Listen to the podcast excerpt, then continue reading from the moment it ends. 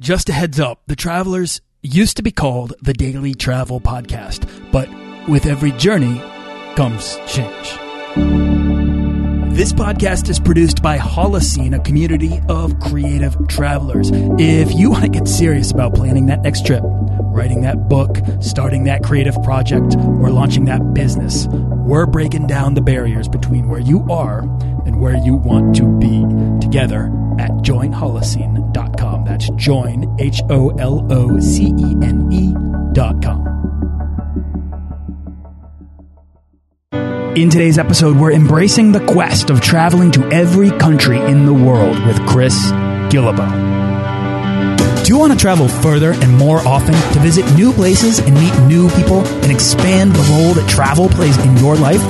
I'm your guide, Nathaniel Boyle, an explorer that wants to help you get out, see the world, and find meaningful, life changing experiences. Everyone wants to be adventurous and have great stories. To do the stuff of legend, this is the Daily Travel Podcast. Hey, explorers, for this week only, I'm giving away an exclusive copy of today's guest's latest book, The Happiness of Pursuit, which is an amazing new book written by an even more amazing person, Chris Guillebeau, who you're about to get to know on today's episode. The best way to feel confident about the direction you're heading is to have a destination in mind. And for Chris, it was every country in the world. Uh, you can enter to win the book at dailytravelpodcast.com slash quest. I hope you'll enter and good luck. A single trip to Africa set in motion a course of events that would make an impact on the world. Certainly my world and the world of many of my friends. Today's guest has been to all 193 countries while championing above all a life of unconventionality and nonconformity.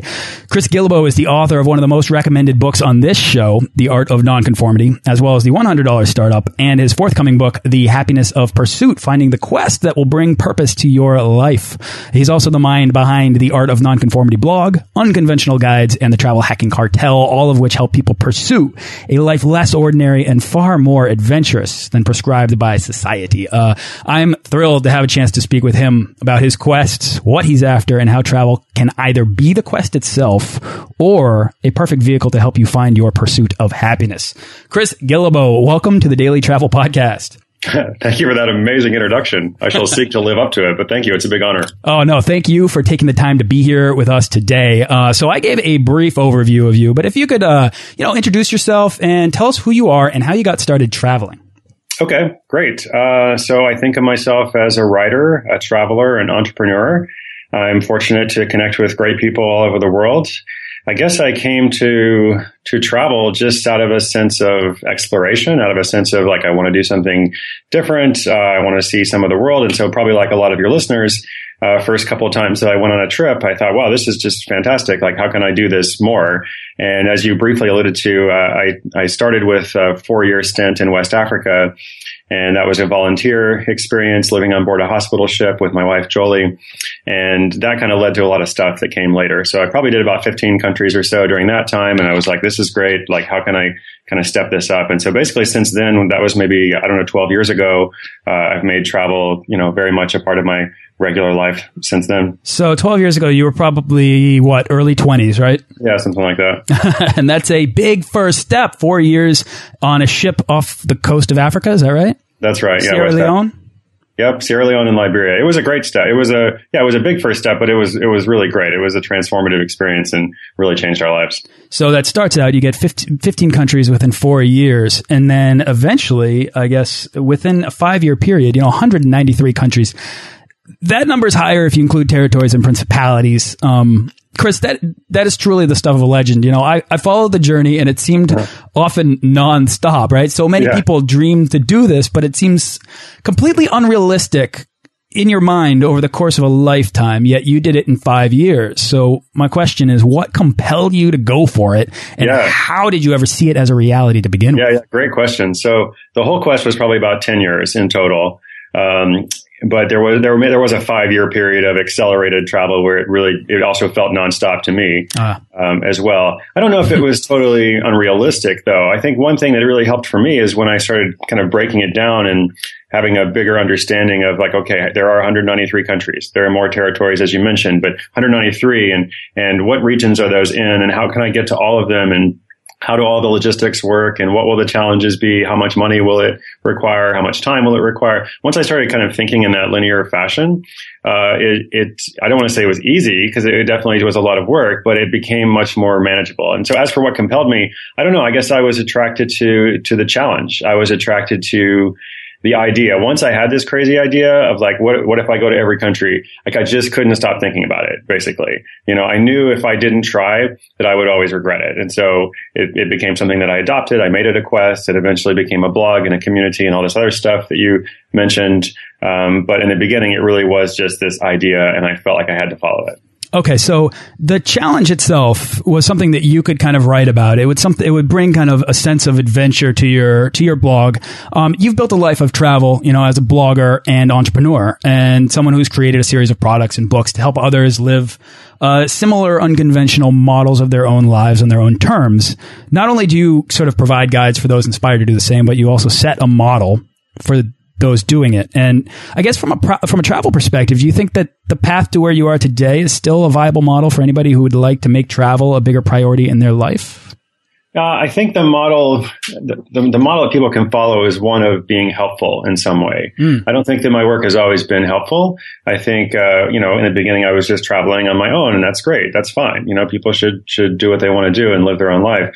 Uh, I think the business model came when I started focusing much more on helpfulness and usefulness and saying, okay, how can I not just do for something for myself um, and not just provide inspiration because it's easy to be inspired, but but how can I really help people, you know, to do as you said, you know, what I've done or do it in their own way or something. So um, I would say the business got a lot better once I started focusing on that. Oh, interesting. So what, what at what point was there a sort of a turning point for you in which you said this sort of life of of entrepreneurship or with an increased degree, greatly increased degree of travel, but any degree of travel. At what point was that a, a reality for you? Did you recognize, you know what, this is working. I can keep going down this road. Yeah, I kind of thought about it for a while before I actually did it. Uh, I, I, was doing a graduate program at the University of Washington in Seattle, and uh, I didn't really like graduate school. I just kind of went through the motions. I did it; it was fine. Yeah. And kind of what I was really passionate about, like my little side project in my head, was you know, what if I went to every country in the world and wrote about it? And so I actually, before I began, I mean, I was still traveling a lot, but before I began the formal process,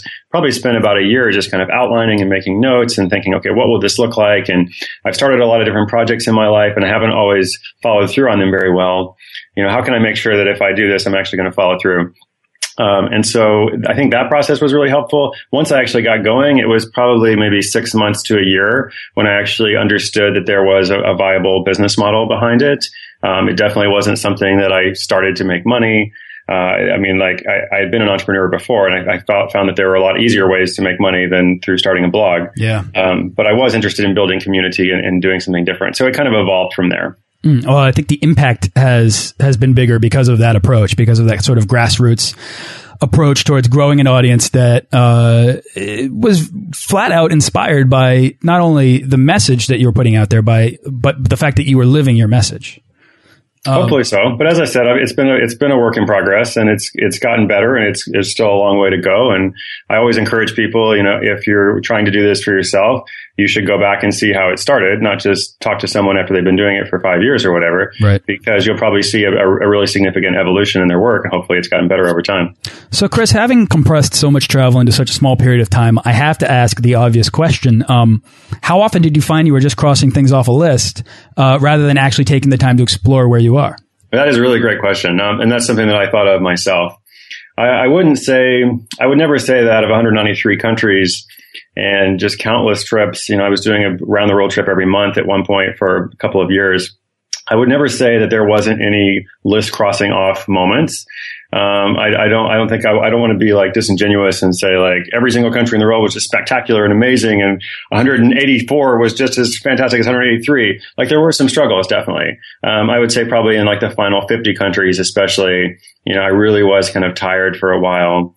Uh, I had been doing the, the quest for a long time, and there was there was some increasing conflict between this quest that I'm going on and the community and the business that I'm trying to grow, and then also my personal life and maintaining relationships. There definitely was like some some challenge there. Um, I, I, guess I would just say overall, even though there were some moments of like, okay, here's I just got to you know go and check Chad off the list or whatever. Um, I would say overall, I was still fascinated by the journey.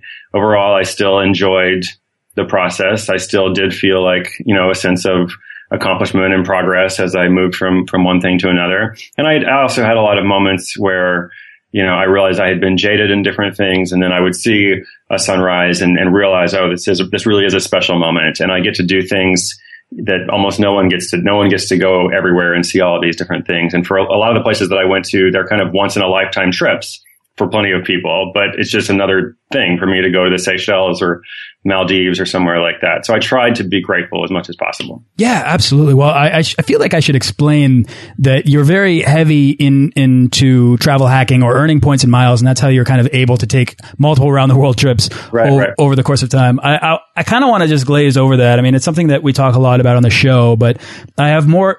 I feel like I have more interesting questions to ask you. So, um, so, you know, anybody that's interested in that can, can head on over to the website or get in touch with me or jump over to Travel Hacking Cartel and learn how to do it over there. Um, identity, Chris, plays such like an enormous role in travel. And what's really interesting is that for you, travel seems like it's certainly about the journey. It, it seems that for you, it, the love is the motion itself, right? And, Absolutely. And which, which really begs the question then, what happens when you stop moving? What happens now when you're back? Is there a feeling, you know, having completed your quest in a way, uh, is there a feeling of finality? Is there a feeling of satisfaction? Yeah, yeah, yeah. Um, definitely the, the motion, and the process. I'm, I'm really into that. I enjoy that. And I think you kind of have to if you're going to travel long term. You know, I think if you're going to make travel part of your life or your identity, as you said, uh, I feel like you have to enjoy it. It can't just be like, you know, I'm, I'm doing all of this to get to somewhere, which I will appreciate. Uh, for me, in some ways, it's been the opposite. Like I actually, in some ways, like the logistics and the process better than the place in some cases. Mm. Um, so I have to try to like make sure I appreciate the other side of it. Um, as for the, the finality and, and, the identity and the end of the quest, um, there, there definitely were some moments of strangeness, uh, especially in the final year, I would say, as I was kind of realizing, okay, um, this has been my identity for the past nine and a half years. And whenever I'm introduced somewhere, and whenever I meet someone, it's always like, oh, here's this, this guy named Chris. We can't really pronounce his last name, but he's going to every country in the world, you know, and that's like his thing, right? And so, you know, then I finished that last year uh, it's been, I guess, maybe 15 months or so since then. And so for the first few months, it's like, oh, there's Chris. He's the guy who went to every country in the world. But you, you can't live on that forever. You know, you have to like move on and do something different, I feel like. So, so yeah, definitely, definitely some moments of like, okay, what's, what's next? But fortunately, I'm still traveling. So I'm still traveling pretty frequently. Right. You don't have to really ever stop that. Um, so often I think we travel sort of to become the best versions of ourselves and to find that feeling that you know, we know we just can't return to play the role of the person we were before we left. Uh, but this is difficult for those of us, you know, who, who, who wait for us at home, right? And want that person to come back. Um, now I'm wondering, and because you kind of just alluded to it in your, in what you just said that, you know, was there a point in which your travels began to define you as a person to yourself and in the eyes of others? Uh, well, absolutely, definitely. I mean, it's, it became part of my routine, uh, and it, it, still is. Um, but especially in probably those those five years of really intense travel, it was like a, you know, I'm, I'm, I'm home for a couple weeks and I'm gone for a couple weeks. And when I'm go- when I'm traveling, I miss home. When I'm home, I miss traveling. And then when I came home, I live in Portland, Oregon and, uh, I was just a homebody when I was home. Like I, I kind of live in this neighborhood that has everything that I need, and I didn't have a car. I didn't really go out of the neighborhood for the most. I lived in this like 15 block radius, and I actually had a very boring conventional life during the time I was home because I was, you know, traveling around the world, you know, during the other half of the time. So it, it affected a lot of things, no doubt. Sure. So is finding this is maybe this is the big question, but is in that case then because we're talking about you know who you are as you relate to travel and getting back and and and knowing that you still have the whole world ahead of you to, to discover and explore. And you can go back to the places that you didn't get enough chance to or the places you fell in love with, right? I guess the big question then is finding and undertaking the quest. Is that, is that the quest itself? Is becoming comfortable with the never ending journey of work and life? Is that, is that what you're off to? So I guess as part of this process, like after I had been on, on the quest for a long time, I had the previous book, the hundred dollar startup that came out. I used kind of a similar model of going out to talk to all kinds of other people who'd undertaken quests. And I was like, what are their, what are their lessons? And, and, um, there, you know, there's a lot we could take away from that. It's not really the focus of this interview. But one thing I learned is a lot of people who are kind of goal driven or motivated by these kind of things, uh, you know, after they complete the quest, they do have that moment of disillusionment or sadness, or maybe it's not such a bad thing. It's just kind of a reflective thing. It's like, yeah, I did this. Okay. But then at a certain point, I think you do have to kind of ask, like, okay, what's next? You know, and, and a lot of people, you know, pursue a new project, a new quest. Um, so I'm, I'm still working that out myself. Um, but for me, that, that quest really did anchor so much. It really, you know, it really provided a foundation for everything else that I did. And I, I liked all the other stuff too, but it was just great to have this common recurring theme that went through everything. And so, in completing then sort of your your journey, what would you say are the are the big take? I mean, this is this is a huge question, so feel free to answer this in whatever smaller, digestible way you can. But how would you say that travel has sort of affected you, or that the effects of travel has have influenced you as a person? Yeah, I think it's totally changed my worldview. It's changed how I think about all kinds of things. Uh, it's changed what I believe about culture, politics, religion you know, anything that we think of as, you know, conceiving of the world and ourselves, um, it's affected that. It's given me an appreciation for a lot of different things, uh, including an appreciation for, you know, my home life or where I'm from or, you know, the United States or whatever. Um, it's, it's challenged me and it, because I feel like I'm fortunate to have been able to do all of this, I also feel like, okay, I've got to give back, you know, to a sufficient degree as well. And so I guess I continually think of that as well. I don't know, probably more than that, but that's the first thing I got. Yeah, it's a big question. I mean, I think it's honestly one of those things that that uh, it's almost unanswerable because it's so it's so complex. The world is complex, and its influence on you is so personal. I often say that the authentic world uh, is largely undiscovered because it's every journey that we take is just this completely personal experience. Uh, so what you pull away, that's your authentic experience. That's what you have to share with the world. Um, Chris, to anyone who thinks what you've done and what we're talking about here is unrealistic or perhaps privileged or perhaps something um, unattainable for themselves, what would you tell them uh, if they're in their life without a clear purpose or without a clear uh, pursuit of happiness? Yeah, well, it is privileged. You know, it's also privileged yeah, yeah. to be able to listen to podcasts. It's it's uh, it's privileged to interact and engage with people in this global community. Um, like we do have a lot of opportunities that were not historically available to most people, and are still not available to lots of people. But I would say to most of the people who are following your blog or listening to the podcast, you know, who are part of this online conversation, um, it is possible for them. You know, it is realistic. Uh, it's not unobtainable. unobtainable. Um, you know, it, it is the kind of thing where your your vision expands as you work towards something, and experience produces confidence. And so, I didn't begin by saying, okay, I've been to one country, I'm going to go to 193. I just kept traveling, and then the goal kind of came along to align itself with the experience that I had. Um, so I don't think everybody has to go to all, every country or whatever, but I do think that there are so many possibilities available to all the listeners, and I hope that they'll pursue them. You know, a key takeaway from what you just said is it sounds like maybe once you hit a particular number, all of a sudden it was something realistic that you could pursue. But up until that number, it was just this big amorphous. It took a while. Yeah. You know, I, we didn't even discuss this, but I, the first goal was actually to get to 100 countries. And, and it was like once I started realizing, okay, that's possible. Like that's not actually super difficult, you know, in a life. And it doesn't actually cost that much money if you plan well. Um, then for me, the real challenge was okay, you know, not just 100, but every single country. So it is, it is definitely a, something that progresses. You know, everything you're saying here from, uh, talking about privilege and then talking about uh, approaching these these big goals, whether it's an entrepreneurial project, whether it's just writing a book, a creative expression, or it's actually pursuing this massive travel goal. Uh, the the perspective you're sort of espousing is definitely one that I can tell that you've gained from having traveled extensively. It doesn't have to be, you know, you don't have to travel extensively to sort of gain that perspective, but the mindset of an explorer helps you sort of become adept and comfortable with the uh, with the discomfort and the uncertainty of life. Uh, do you think that your travels have helped you sort of move forward as this sort of independent entrepreneur? Oh, absolutely. It yeah. gave me a lot of confidence. Uh, you know, I was a really shy, introverted person. There's nothing wrong with being an introvert. I'm still an introvert, but I, I didn't have a lot of confidence. You know, I, I guess I, I didn't have good self esteem. you know, and I feel like a lot of things came, you know, I grew a lot as a person just by undertaking challenges and, and being in difficult situations and then realizing I can probably figure things out. And, you know, I actually made more travel mistakes at the end of the journey than I did in the beginning. Because in the end, I was super cautious and super conservative and really like checking everything all the time and stuff. By the end, I was like, well, you know, screw it. If I, if I make a mistake, if I book the wrong plane ticket, if I show up without a visa, like I can probably figure it out, you know? So it was kind of funny. I actually became much more relaxed, you know, toward the end as I grew in confidence. And uh, so, what was the last country you visited?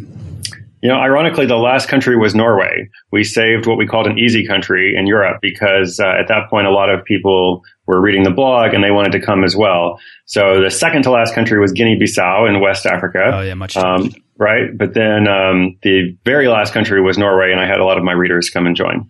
Oh, that's amazing. And was it a party or was it, what was it? It was a party. We had a party for the end of the world, as I called it. I love it. About, uh, 200 people from, I don't know, 15 different countries come and it was great. It's amazing. What did that feel like being for you to be at that party with all these people who have been following this journey that had now kind of reached the end? I'm picturing the end of Lord of the Rings where Sam gets back and he sits down at the table with his family and says, well, I'm back. Right. It was kind of anticlimactic, you know, the immigration procedure. It's not like the immigration officer in Norway knew this was my final country. You know, he's just like, why, are you, why did you come to Norway? I was like, it seemed like a good idea at the time, you know. Uh, I guess for the, for the party, it was, it was, it was surreal in some ways, but it was also really fun. And I, tried to make it not just about me, but about all these different people who are connecting. And that's what we try to do with WDS and other events. Um, so I think it was good. That's great. WDS is World Domination Summit. It's the event Chris puts on every year. I went to it for the first time this year and it was just wonderful, Chris. So that's, you know, it's a great community you have that have been inspired by the stuff that you are up to. So kudos for all of that. Is there anything else? Yeah, you're welcome. Is there anything else? I'll make sure I pay you off later. just wire the money. Is there anything else you'd like to share about, you know, travel or life before we wrap up? No, I can't think of anything, but if anybody's listening and I can help them with anything at all, feel free to email me. Yeah, Chris, you're surprisingly accessible for a guy with uh, uh, so much, so much, you know, output, creative output. Uh, what's exciting you the most right now? Where is your next trip, or what's your next project? Mm, that's a good question. Uh, let's see. Next week, I'm going to Abu Dhabi, and then I might go somewhere from there, maybe Sri Lanka or somewhere. Eventually, come back home. This is probably my my last big trip before I go on tour. So um, starting this fall, I'll be doing a book tour for The Happiness of Pursuit. I'll be in at least 40 cities. So maybe I'll see some of your listeners out there somewhere. I hope so. And uh, you come to Boston, I'm going to uh, reach out and find awesome. you. All right. So, uh, Chris, where can people go to find out more about you? Uh, they can go to chrisguillebeau.com, which no one can spell, but maybe you'll give them a link or they can type in something close to that in Google and they'll find it. I will. All right. Chris Guillebeau, thank you so much for coming on the show. I really appreciate it. Thank you, sir. I hope you enjoyed that interview with Chris Guillebeau. Just a quick reminder that I'm giving away a copy of his book, The Happiness of Pursuit Finding the Quest That Will Bring a Purpose to Your Life. Uh, this is an inspiring book that frames his mindset for traveling to every country in the world and can help you set a transformative goal for yourself. Uh, you can enter to win at dailytravelpodcast.com slash quest. Thanks for listening to this episode of the Daily Travel Podcast. For show notes and links to everything in this episode and more, head on over to dailytravelpodcast.com. Join our Facebook page of explorers and subscribe to our newsletter for the best deals and resources to help make your next trip life changing.